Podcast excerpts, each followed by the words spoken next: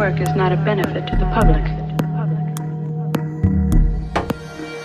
Replicants are like any other machine. They're either a benefit or a hazard. If they're a benefit, it's not my problem. May I ask you a personal question? Sure. Sure. Have you ever retired a human by mistake? No. No. But in your position, that is a risk.